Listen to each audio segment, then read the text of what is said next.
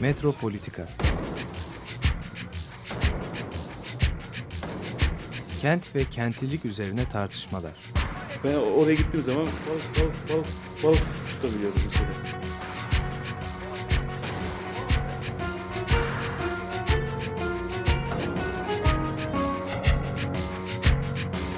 Hazırlayıp sunanlar Aysin Türkmen, Korhan Gümüş ve Murat Güvenç.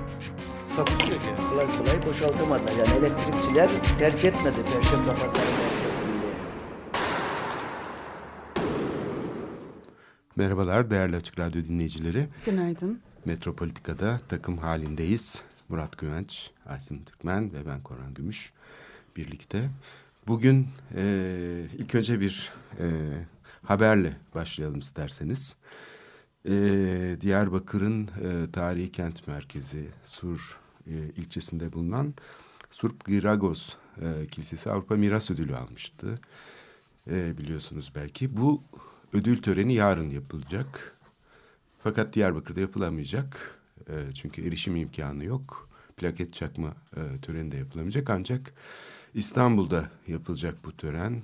E, gene benzer bir şekilde restore edilmiş olan başka bir kilisede yapılacak.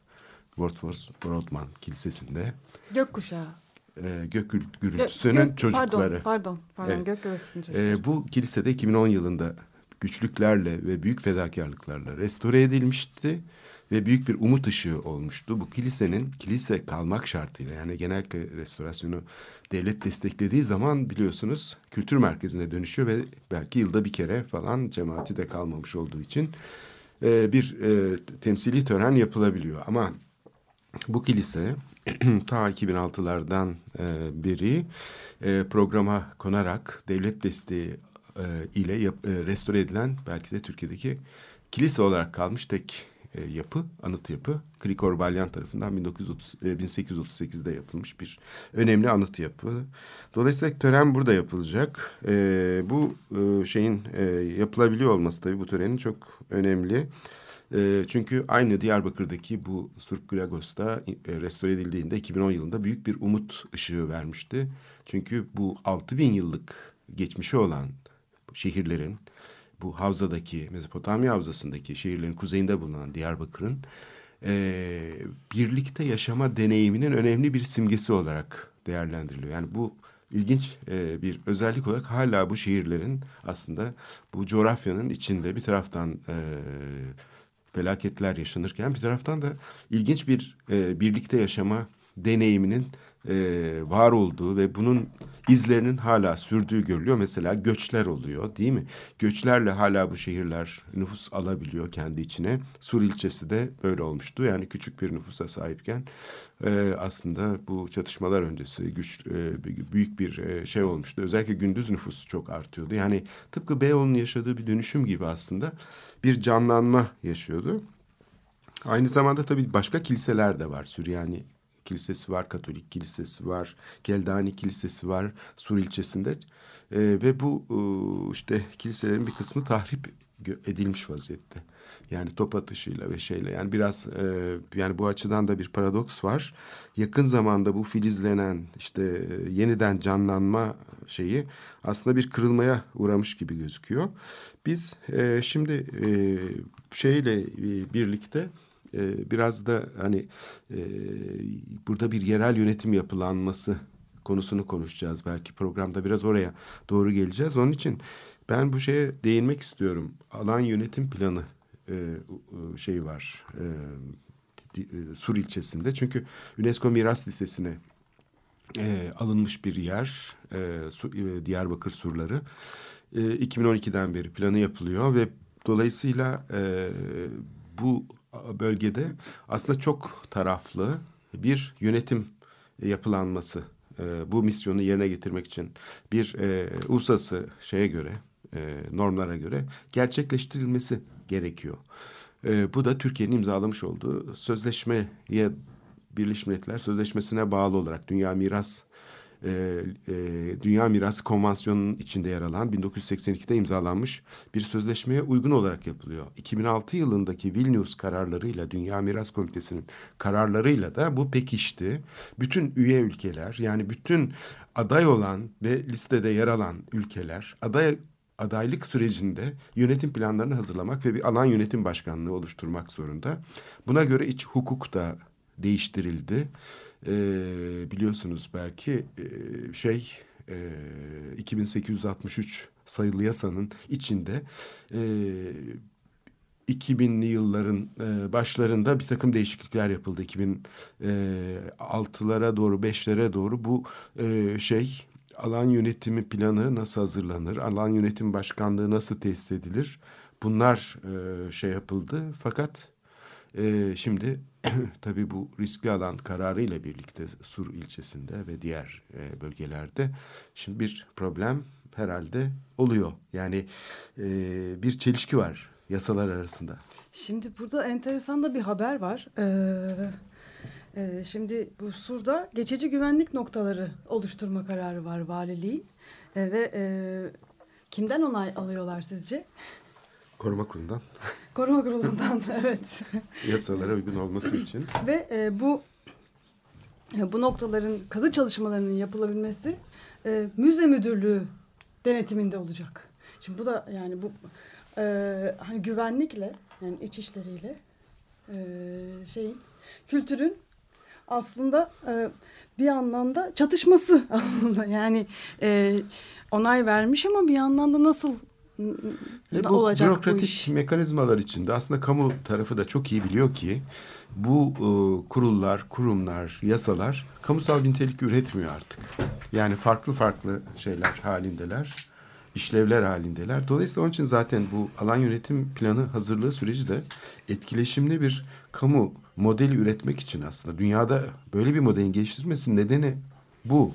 Ama İstanbul'da da mesela Dünya Miras Listesi'nde yer alan bölgelere baktığımız zaman e, tarihi yarımada. Bunun tamamen hani bir formalite gibi uygulandığını görüyoruz. Evet plan hazırlandı mı? Hazırlandı. Peki uygulanıyor mu?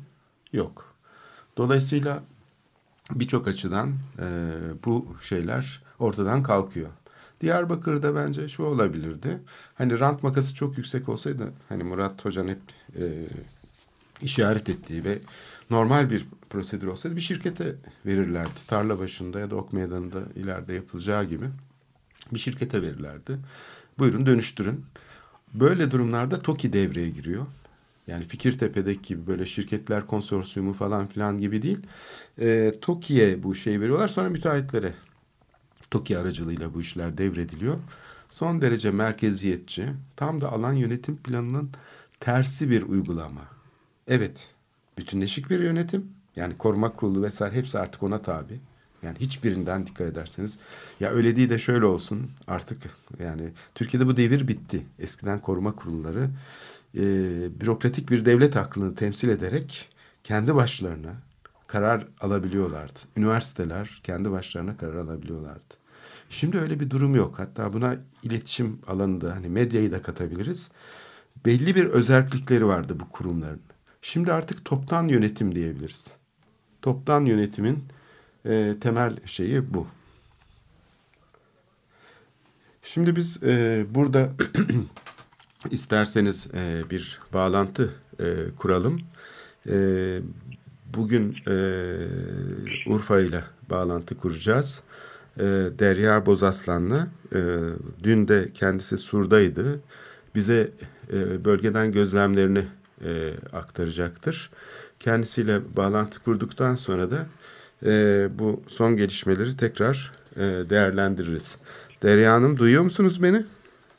Evet duyuyorum. Merhaba. Merhabalar, e, hoş geldiniz İyi. programımıza. Hoş bulduk. İyi yayınlar diliyorum. E, çok sağ olun. Şimdi Urfa'dasınız galiba. Dün de e, Diyarbakır'daydınız zannedersem. E, biz e, Sur'la başladık sabah programına. Yani e, buradaki e, işte gelişmeleri aktardık e, kısaca. Dünya Miras listesinde olması, e, Diyarbakır surlarının ve ilçenin de bir tampon bölge olarak işte yönetim planının hazırlanması ve bu sırada da riskli alan kararı ile birlikte aslında bir şekilde bir norm e, şeyi oluyor. iki e, şey arasında riskli alan kararı ile birlikte e, koruma yasasındaki bu değişiklikle yapılan değişikliği alan yönetim planı uygulaması arasında yerel yönetim sanki biraz devre dışı gibi. Sizin bölgeden gözlemleriniz nasıl? Bunları bize aktarabilir misiniz? Ee, tabii ki. Ben e, biraz daha işin hani saha kısmıyla ilgili hani insanlar ne düşünüyor? Orada evi olan insanlar esnaf ne düşünüyor ile ilgili biraz bir şeyler söylemek istiyorum. Çünkü dünkü e, Sur gezimde birkaç kişiyle de konuştum bu konuları. Fakat ben aslında e, vaktim varsa bir ay önce gidişimdeki gözlemlerimi de biraz aktarmak istiyorum. Çünkü arada çok ciddi bir fark vardı dünkü e, izlenimlerimle bir ay önceki. Evet bu önemli sayeden e, gerçekten bunu e, şey yapmanız önemli. E, bir ay önceki bir gözlemle birlikte bugün durum nasıl diye evet geçmişe dönük olarak biraz bakalım. Evet, e, şimdi bir ay önce gittiğim zaman e, bilmiyorum suru e, şöyle tarif edebiliriz. Tepeden bakılınca bir kalkan balığı gibi e, sur içini e, kapsayan bir e, surlar var ve çeşitli yani dört ana giriş olmak üzere aslında 6-7 tane giriş var sura. O girişlerin tamamı kapalıydı. Yani e, ben bir ay önce gittiğimde operasyonlar yeni bitmişti. Birkaç gün olmuştu. E, sokağa yas çıkma yasağı 6, e, 6 veya daha fazla mahallede devam ediyordu ama sura giriş serbestti. Fakat girerken e, çok yoğun bir güvenlik önlemiyle içeri giriyorduk.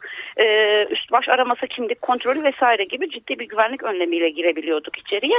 Ve o e, mesela bütün insanlar yani Sur'da yaşayan ve yaşamayan şu anda yaşamayan yani operasyonlar döneminde göç etmiş insanlarda da ben de çocukluğumu Sur'da geçirdiğim için bende de aynı hissi yarattı. Evimize hırsız girmiş gibi bir hisle içeriye girmiş olduk. Çünkü e, çok böyle kötü bir e, kontrol hani gelme buraya der gibi bir kontroldü. İçeriye girdiğiniz zaman da e, zaten o e, ana caddelerde falan çok olmasa da ara sokaklara baktığınız zaman o yıkımı çok az da olsa görebiliyorduk. Fakat yıkımın asıl yıkımın olduğu yani hafriyatların toplandığı bölgelere zaten şu an giriş zaten yapılamıyor ve bütün sokaklar çok büyük perdelerle kapatılmış. İçeride hani ne olduğunu görmek bile imkansız. Ee, şimdi bu e, da bu e, durumda ben böyle o m, hani girilemeyen mahallelerdeki barikatların önünde çok fazla sayıda insan bekliyor zaten. Ee, işte insanların bir kısmı cesetlerimizi alalım, bir kısmı evimize girelim, eşyalarımızı alalım şeklinde polislerle e, münakaşa edip duruyorlar. Tabii herkes çok panik haldeydi, herkes çok korkuyordu. E, ve bütün o sur için tamamı öyle bir durumdaydı. Ve e, en kötüsü ve herkesin ortak fikri oydu. Her tarafa e, olup olmadık her tarafa bayrak asılmıştı ve insanlar da şu izlenim oluşmuş. Burası işgal edilmiş. Tam olarak bir işgal e, resmiydi o. E, ama bir şekilde konuştuklarımızda da hep hani evet işgal ama burası bizim. Burası bizim. Biz buradayız. Ee, hani şu anda işte Sur'da yaşamayan göç edenler bile bütün gününü orada geçiriyordu.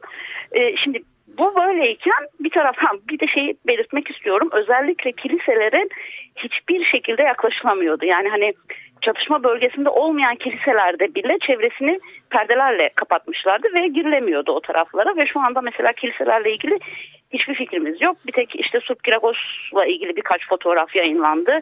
Orada da yarı yarıya yıkılmış fotoğraflardı. Ee, şimdi bu böyleydi. Bir e, dünkü gidişimde ise e, bir kere bütün o şeyler kalkmış durumdaydı. E, sura giri, girerken ki bütün arama noktaları kalkmış bir ya da iki yerde vardı. Orada da insanları aramıyorlar. Sadece polisler bekliyor. E, rahatça içeri girebiliyorsunuz ve işte 10 adımda bir olan polis noktaları %50 azalmış durumdaydı.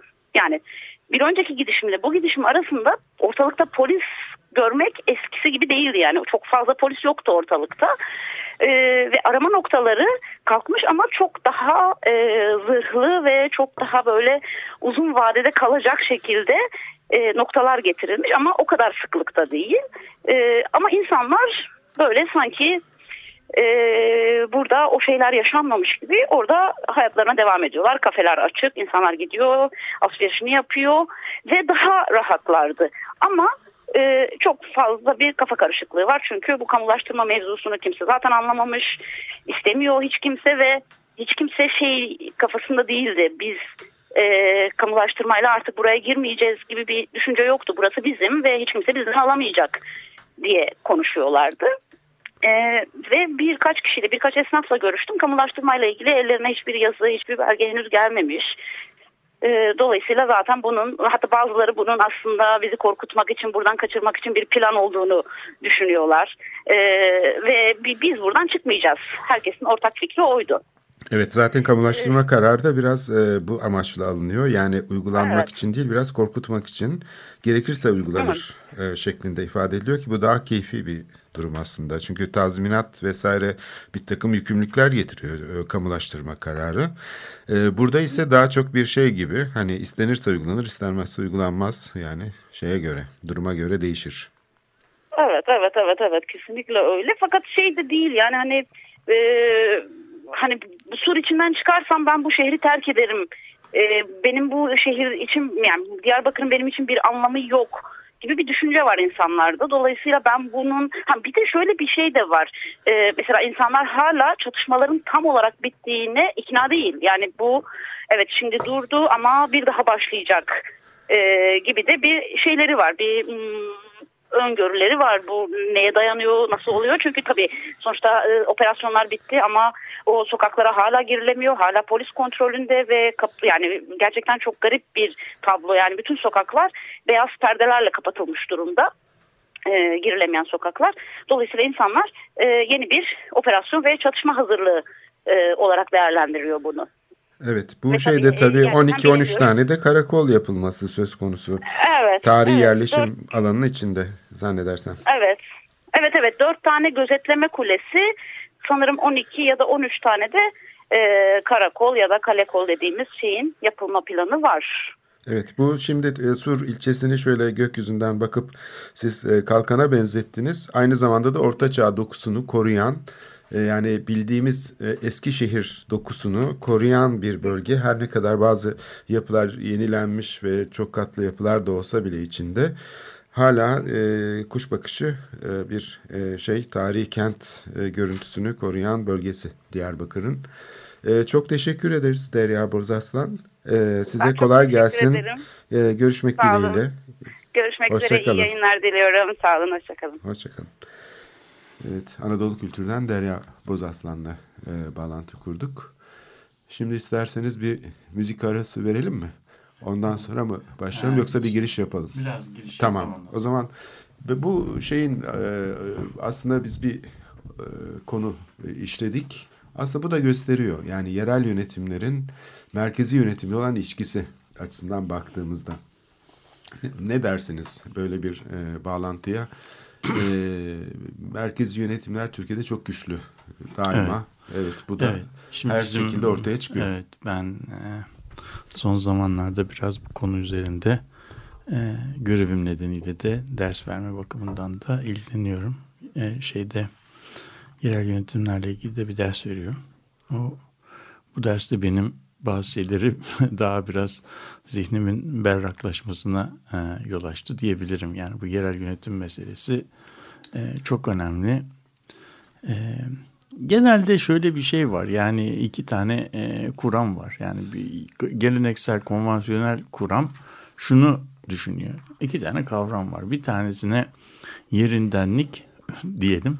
Öbürüne de veya öbürüne de artıkçılık diyebiliriz. Yani yerindenlik e, kavramı işte Avrupa e, bu yerel yönetimler şansın, şartından sonra gelen subsidiarity kavramı. Onu onu şey yapabiliriz. Yani bu çok önemli bir kavram. Artıkçılık da e, bunun tersi residuality. Yani merkezi hükümetin yapmadığı, yapmak istemediği, yapmak görevlerinden arta kalanları Kalıntılar. e, kalıntı kalıntıcılık art, Evet. artık yani Temizlik işleri, çöp temizlik toplama filan gibi. Yani bunun aslında bunlar bence e, toplu yaşamın şeyini oluşturuyorlar. E, nasıl diyelim olmazsa olmazını oluşturuyorlar ama yani bence bu lağım, çöp toplama, su, e, efendim elektrik gibi şeyler e, yaşamın bence şeyi. Yani olmazsa olmazı. Aslında temeli. Te- temeli. Yani bu bu bu bu kesinlikle İhmal edilen, kenara la- atılan lağımlar, şeyler lağımlar kötü kokuyor diye yani bu elimizi sürmeyiz demek. Yani bu çok bu bence şehir demek, lağım demek. Yani onu onu onu e, ben bunu uzun sene dersinde ver. Ama şimdi e, şimdi bu görülüyor ki artık e, özellikle e, 1970'lerden sonra bu şeyle beraber, dünya kriziyle beraber işte neoliberal e, bir çözüme geçiş, o çözüme geçerken e, eski kamu malı üreten e, belediyeden yani ve bu, bu hizmetleri kendi bünyesinde üretmeye çalışan bir belediyeden bu hizmetleri özel sektörle beraber üreten, dışarıya veren, işte bilmem bu şekilde de gözetme görevini sürdüren ama hizmet üretim e, görevini de şeye e, özel sektörle paylaşan böyle işte e, kamu hizmetinden bir çeşit e, menajerliğe yani yani şey managerial deniyor yani böyle iş iş yönetimi e, e, odaklı bir yönetime geçiş var. Bunun özür dilerim. Bunun e, iktisadi olarak bazı ilginç e, getirileri var ve uzun vadede bunun e, bunun e, yurttaşla kentliyle yönetim arasındaki şeyi yabancılaşmayı aşacağı ve bu durumda da şeylerin e, işte e, yurttaşın yerel yönetimle daha e, yakın ilişkiler kurabileceği e, noktasına geliyor. Ve bu böyle bir umut var. Deneyim bu yönde mi? Dünyanın bazı yerlerinde buna benzer bazı şeyler var ama her yerde değil. E, o zaman da böyle demek ki bir şart e, yazmakla e, veya bir şey yapmakla bu her yerde aynı biçimde uygulanmıyor. Bu yerel koşullar, yerel tarih, yerel özellikler çok çok önemli. Şimdi bizim bizim açımızdan da bu sık sık adı edilen yerel yönetimler özellik şartı gündeme getirmemizin e, bu açıdan e, önemli olduğunu düşündük. Yani sen de daha önceden konuştuk. Niye? Çünkü bu, bu şart aslında çok böyle e, radikal bir e, görüş içermiyor. Zaten Avrupa Birliği gibi kuzeyi, doğusu, batısı, gelişmişi bilmem nesi herkes yani içerisinde çok büyük farklılıklar barındıran bir e, şeyden bir nasıl diyelim toplumsal siyasi e, oluşumdan böyle radikal, devrimci filan e, şeyler içeren, maddeler içeren bir şart beklemek e, saf dillik olur. Bu yani, bir değişim yaratacak bir belge bir değil. Bir yani. belge değil yani evet. bu sadece böyle bir şey.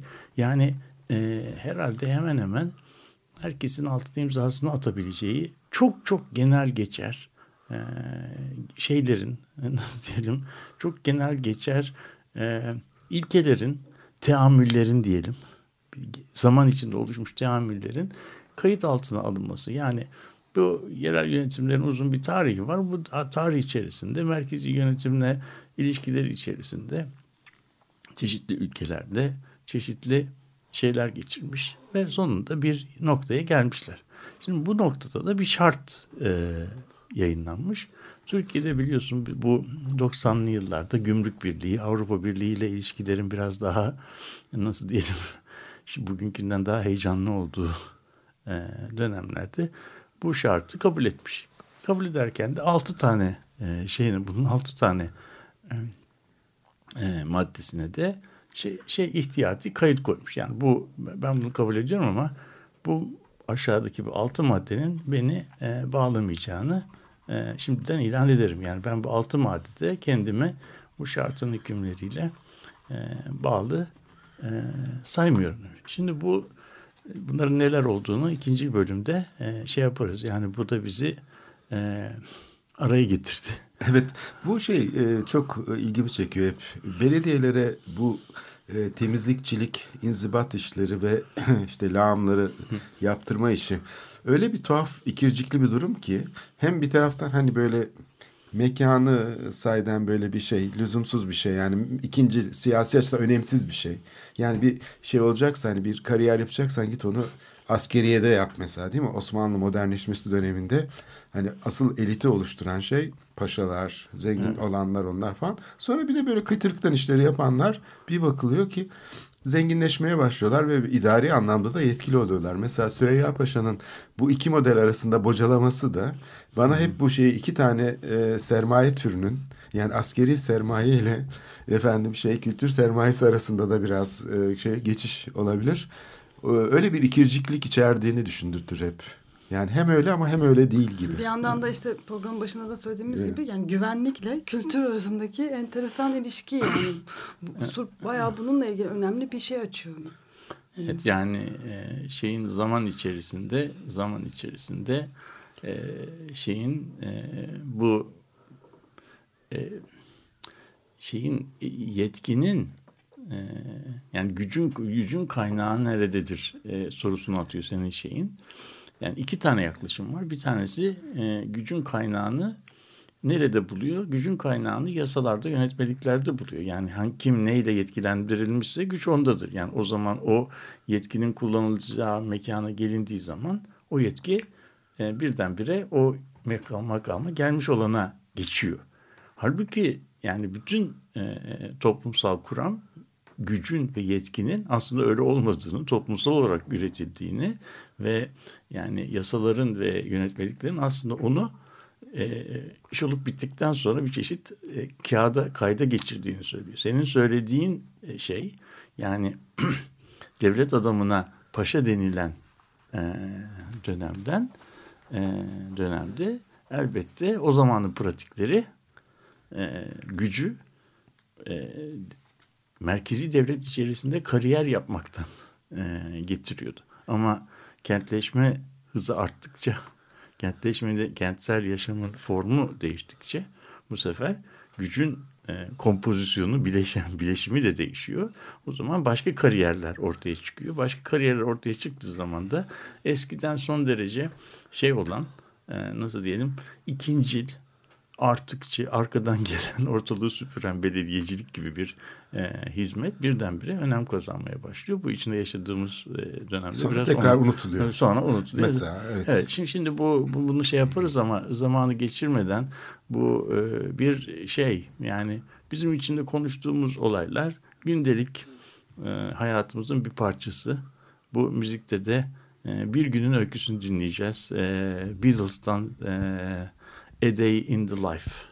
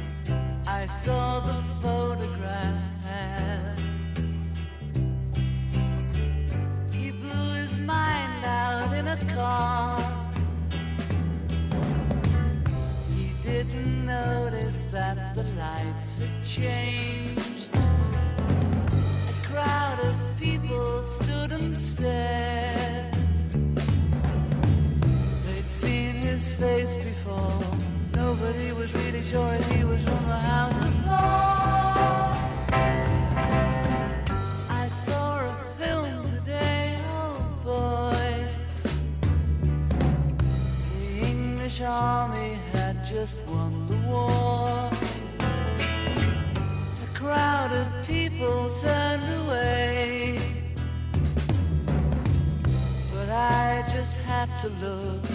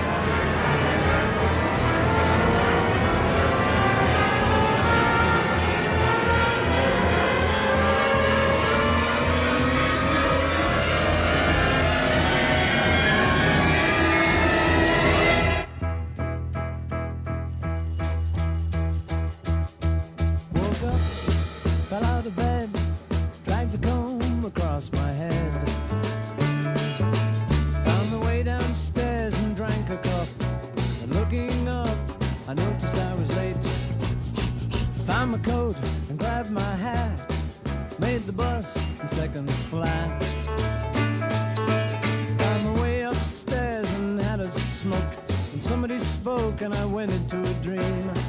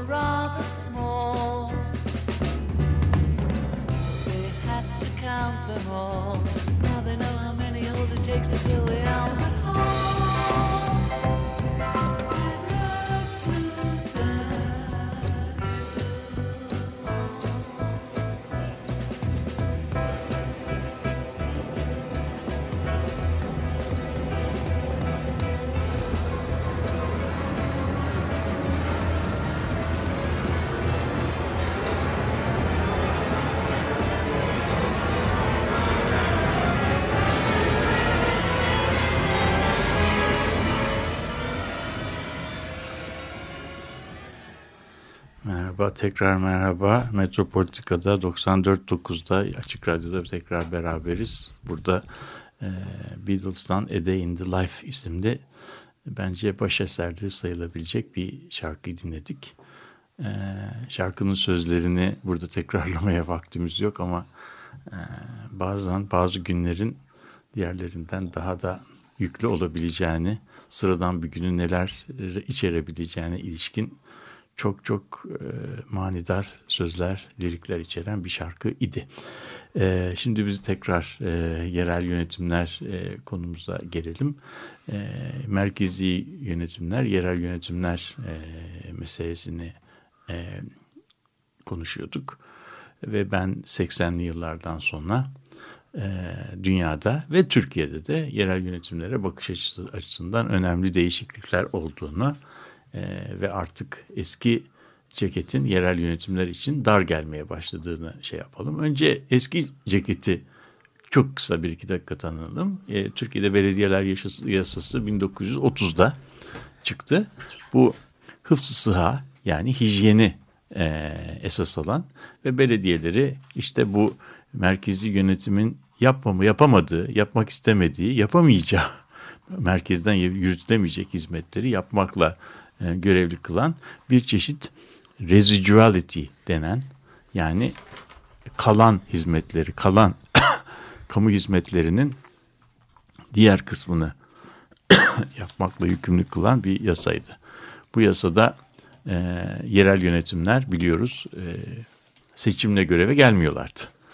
E, şeyler, valiler aynı zamanda o yörenin, büyük şehrin belediye başkanlığını yapıyorlardı. Seçimle belediye başkanı seçilmek ilk kez 1963 yılında e, oldu e, ve şeyde e, işte İstanbul valisi ilk e, İstanbul'da seçilen ilk e, şeyde belediye başkanı da Haşim İş, İşcan'dır şeyden sonra.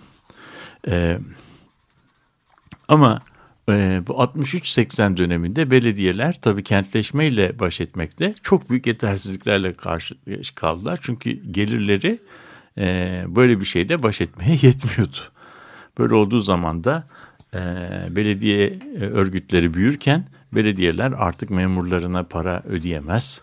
E, bu hizmetleri sağlayamaz. Çöp toplayamaz. Çöp, çöp toplayamaz. Beli, işte belediye e, bugünkü e, kuşaklar onu bilmez. İşte 60'lı yılların otobüslerinin e, seslerini, Aynen. gürültülerini ve amortisman, amortisör sistemlerini anlatmaya e, şeyimiz e, yani buradaki yerimiz yetmez. Ama belki bunlar şeylerde e, bir İstanbul İETT'nin bazı ulaşım müzeleri falan var. Oralardan gezilmeli çok ilginç e, şeyler vardır, tan tanılar vardır. Şeyin kitaplarında da Orhan Pamuk'un e, İstanbul e, isimli eserinde de o dönemin e, kamu hizmetleri üzerinde de bazı ilginç vapurlarıyla ilgili filan çok ilginç şeyler. Konservasyondur Evet, yani, yani mevcut 19. mevcut im- neler yapılır. 20. yüzyıl başından Evet, kalan hı, neler varsa yani konu. mesela İstanbul'un otobüsleri aslında e, dünyada tek örnekti. Çünkü bir Çekoslovakya'da e, kamyon, e, iş kamyonu yapan bir Skoda. e, firmaya Evet. e, ıs- özel olarak ısmarlanmış ve o, o firmanın yaptığı ilk otobüslerdi. Onlar o firma daha önce otobüs yapmazmış.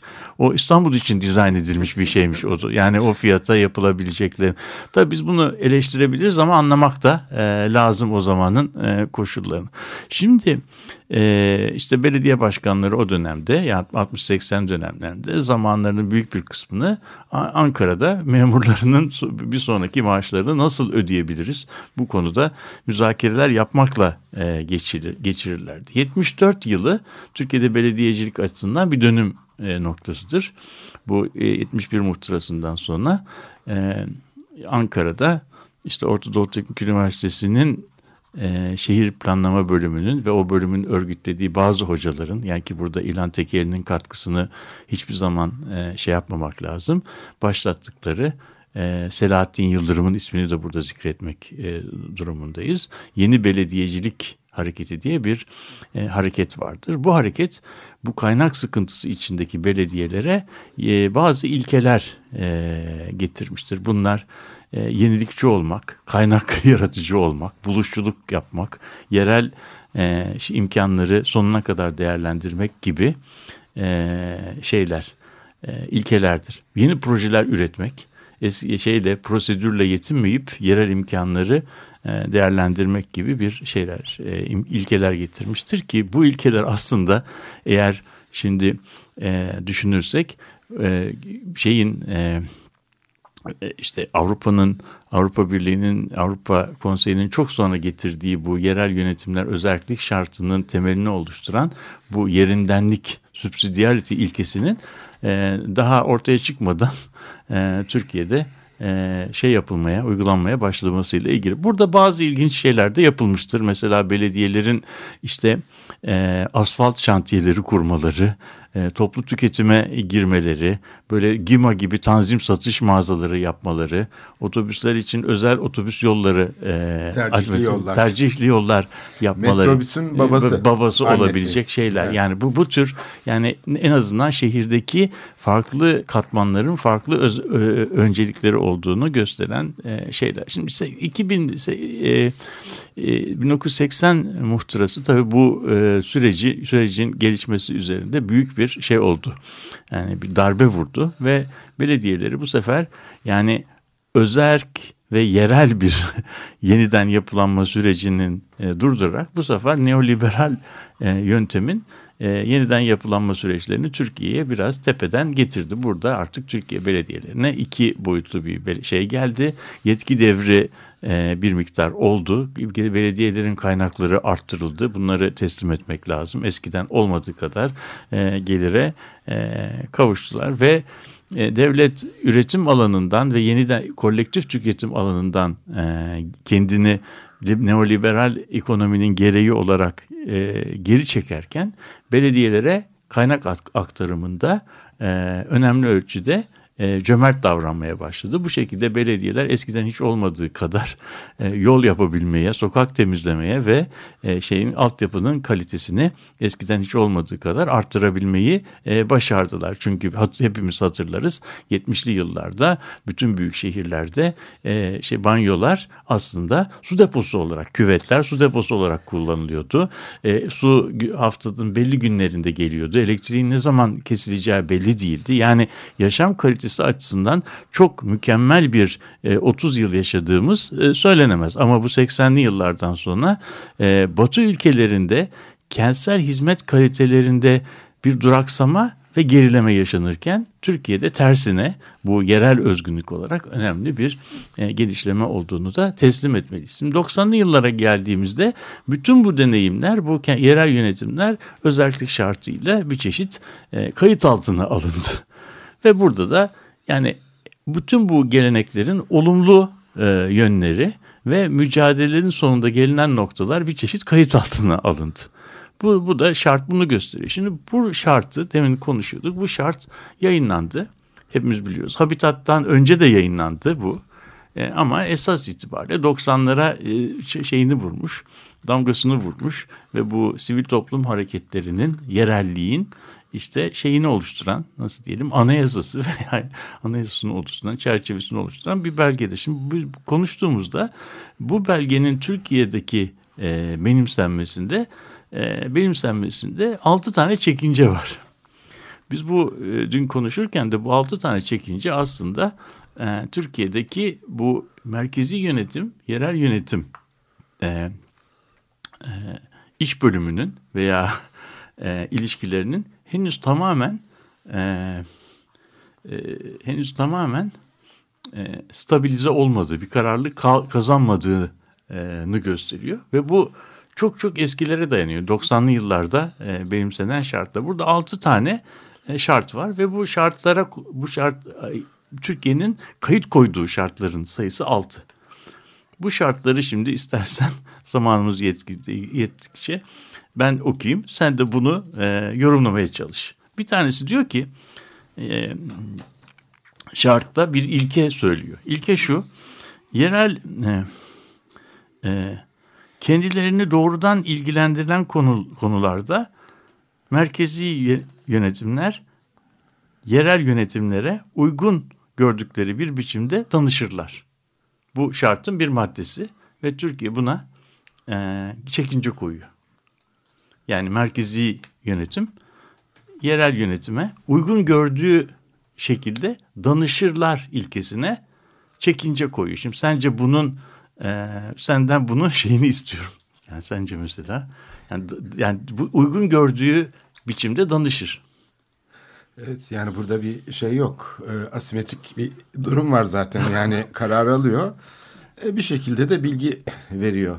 O danışmıyor. Yani sen Da- inform ediyor. Ama bu- inform ediyor. Ya bunun e, şeyi yok.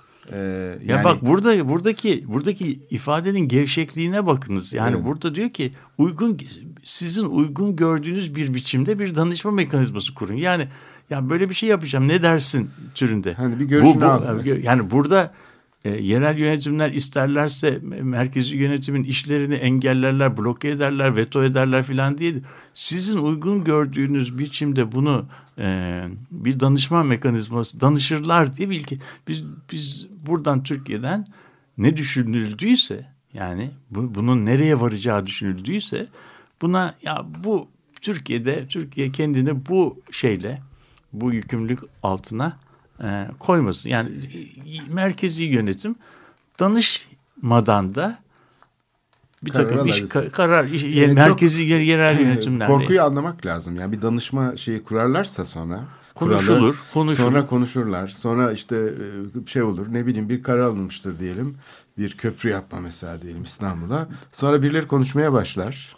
Önceden haber alırlarsa. Yani bu bir kamuoyu yaratır filan gibi bir şey yani Evet. bu, bu, bu- yani bu- yani Ne- biz neme bunu- lazım? Filan gibi bir şey yani bu doğrudan yapalım. İkinci şey e, ikinci şey bu yerel yönetimler üzerinde idari gözetim korunması amaçlanan çıkarlarla orantılı bir biçimde uygulanacaktır. Yani bu durumda şimdi söylediği şey vesayet dediğimiz şey İngilizce'deki tutelaj yani merkezi yönetimin yerel yönetimler üzerinde bir gözetimi olmasını reddetmiyor olacaktır diyor. Yani merkezi yönetim yerel yönetim üzerinde bir e, gözetimi olacaktır. Ama bu gözetim korunması amaçlanan çıkarlarla yani merkezi yönetimin korumayı amaçladığı çıkarlarla orantılı olacaktır. Buna da Türkiye'de düşünen karar vericiler çekince koyuyorlar. Yani biz idari gözetimi korumayı amaçladığımız çıkarlarla orantısız yapabiliriz anlamı çıkıyor. E, bu çok e, yani olağanüstü bir şey aslında. Evet. Yorum yani olması gereken odur çünkü rasyonel davranan bir hayır burada hayır yönetim. bunu ben bunun hani burada yani bir şeyin orantılı olacağını e, söyleyen e, söyleyen bir şeye hayır ben bunu bu orantısızlık gerektirdiğinden az da yapabilirim. gerektiğinden çok da yapabilirim anlamına e, geliyor. Üçüncüsü şöyle üçüncü çekincemiz yerel yönetimler ile ilgili olarak e, yerel yönetimleri mali olanakları yeterince farklılaşmış yani farklı farklı alanlara ayrılmış ve yürüttükleri işlerin bedellerini karşılamak için yeterli olacaktır. Yani yerel yönetimlerin yapmakla yükümlü oldukları bir takım görevler var. Bu görevleri yapmak için mali olanaklara ihtiyaç var. Bu mali olanaklar tek bir kaynağa bağlı olmasın. Yani bütün yumurtalar aynı e, sepete konmasın. Farklı farklı alanlardan gelsin ki bir çeşit hani sürdürülebilir olsun bir yerde bir kriz olursa şey yapılabilsin. Ve de bunlar bu bu tür e, kaynaklar yerel yönetimlerin yürütmekle e, yani yapmakla yükümlü oldukları işlerle orantılı olsun. Çekince. Yani biz diyoruz ki yerel yönetimlerin kaynakları yapmakla yükümlü oldukları işlerle e, orantılı olmayabilir. Bu şu demek bazı yerel yönetimler yapmakla yükümlü oldukları görevlerden çok daha yüksek kaynaklarla donatılabilirler. Veya bazı yönetim, bazı yerel yönetimlere de yapmakla yükümlü oldukları işlerin karşılığını ödeyemeyecek kadar, karşılayamayacak kadar az kaynak e, tahsis edebilme bizim ihtiyarımızda olsun. Yani discretion'ımızda bizim yetkimiz alanımız. Eşitsizlik yaratacak yani. Yani eşitsizlik evet. yani mali açıdan da evet. bir şey e, bir, bir bir yani burada bir hani görevlerle olanaklar arasında bir denge kurulabilir kurulmalıdır gibi bir şeye de bizim bir e, şeyimiz var. Yerel yönetimler bu özellik ilkelerini saygı temin etmek üzere yani merkezi yönetimle ilişkilerinde bu bu bu yapının tasarladığı, kurduğu şartın ilkelerine uyulmadığı kanısına varırlarsa mahkemeye başvurabilmelidirler. Yani haklarını mı? Yani idari yargıya başvurabilmeliler. Buna da e, biz çekince koyuyoruz. Yani yerel yönetimlerin e, hiçbir şekilde tüzel kişilikleri olduğunu kabul ediyoruz ama bu tüzel kişilik bir hak arama yolunda bir e, şeye e, ama anayasa böyle ister zaten yani kurumlar birbirleri hakkında şey yapılabilir hukuk yoluyla yani birbirleriyle ilişki kurabilirler. Evet yani bu bu idari yargı e, da da şey yok. Son olarak koyduğumuz çekincelerden bir tanesi hepsini şey yapamadım. E, yerel yönetimler etkin yönetim ve yerel koşullara uyum amacıyla yani yönetimlerini etkinleştirmek ve yani farklı farklı yörelerde farklı farklı yerel koşullarda çalıştıkları için bu koşullarda uyum uyum amacıyla iç idari yapılarını belirleme özelliğine, özgürlüğüne sahip olmalılar. Yani dağın tepesindeki bir belediyenin iç organizasyonu ile sahildeki bir bölgenin iç organizasyonu veya bir bir step yani bir e, nasıl tarımsal o bir yayla belediyesinin şeyleri, endüstriyel bir belediye ile bir e, orman Kırsal. belediyesinin e, iç yapısı birbirine aynı olmayabilir diyor. Aynı ol, olmaz olacaktır. E, bunu da söylemiyor. Buraya da bir çekince şey yapıyor. Yani bu benim saydığım özellikler aslında pek dile getirilmeyen e, bir e, yani hem e, merkezi idarenin geri çekilmesi ve bir e, ademi merkeziyetçiliğe geçiş adımları e, içi şey yap, atılırken bir taraftan da çok stratejik konularda bu adımları e, geçersiz kılacak veya en azından e, hemen geri alabilecek bir el freni e, konulduğuna işaret ediyor. Evet aslında bu çekinceler ya da ihtiyat değil bir e, şey konusu e, bence e, imzalaması kadar anlamlı. İmzaladığı kısmından daha da anlamlı. Evet bence imzaladığı kısmı e, e geçersiz kılacak çekinceler var. Yani. Önemli. E, zannedersem bu e, birkaç program daha gündeme gelebilir. E, e, biz de şey etrafında. gibi e, aynalar gibi çekinceler diye bir şey koyalım şeye programımızda. E, bu açık gazetedeki aynalar programı gibi çekinceler okuyalım. Evet isabetli olur çünkü... E, her şey çekincelerde gizli. Her şey orada gizli evet. Programın sonuna geldik. Haftaya yeni bir programda görüşmek üzere. Hoşçakalın. Peki.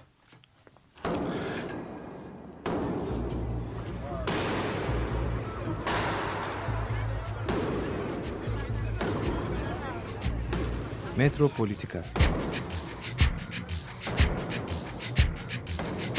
Kent ve kentlilik üzerine tartışmalar. Ben oraya gittiğim zaman balık balık balık balık tutabiliyordum mesela.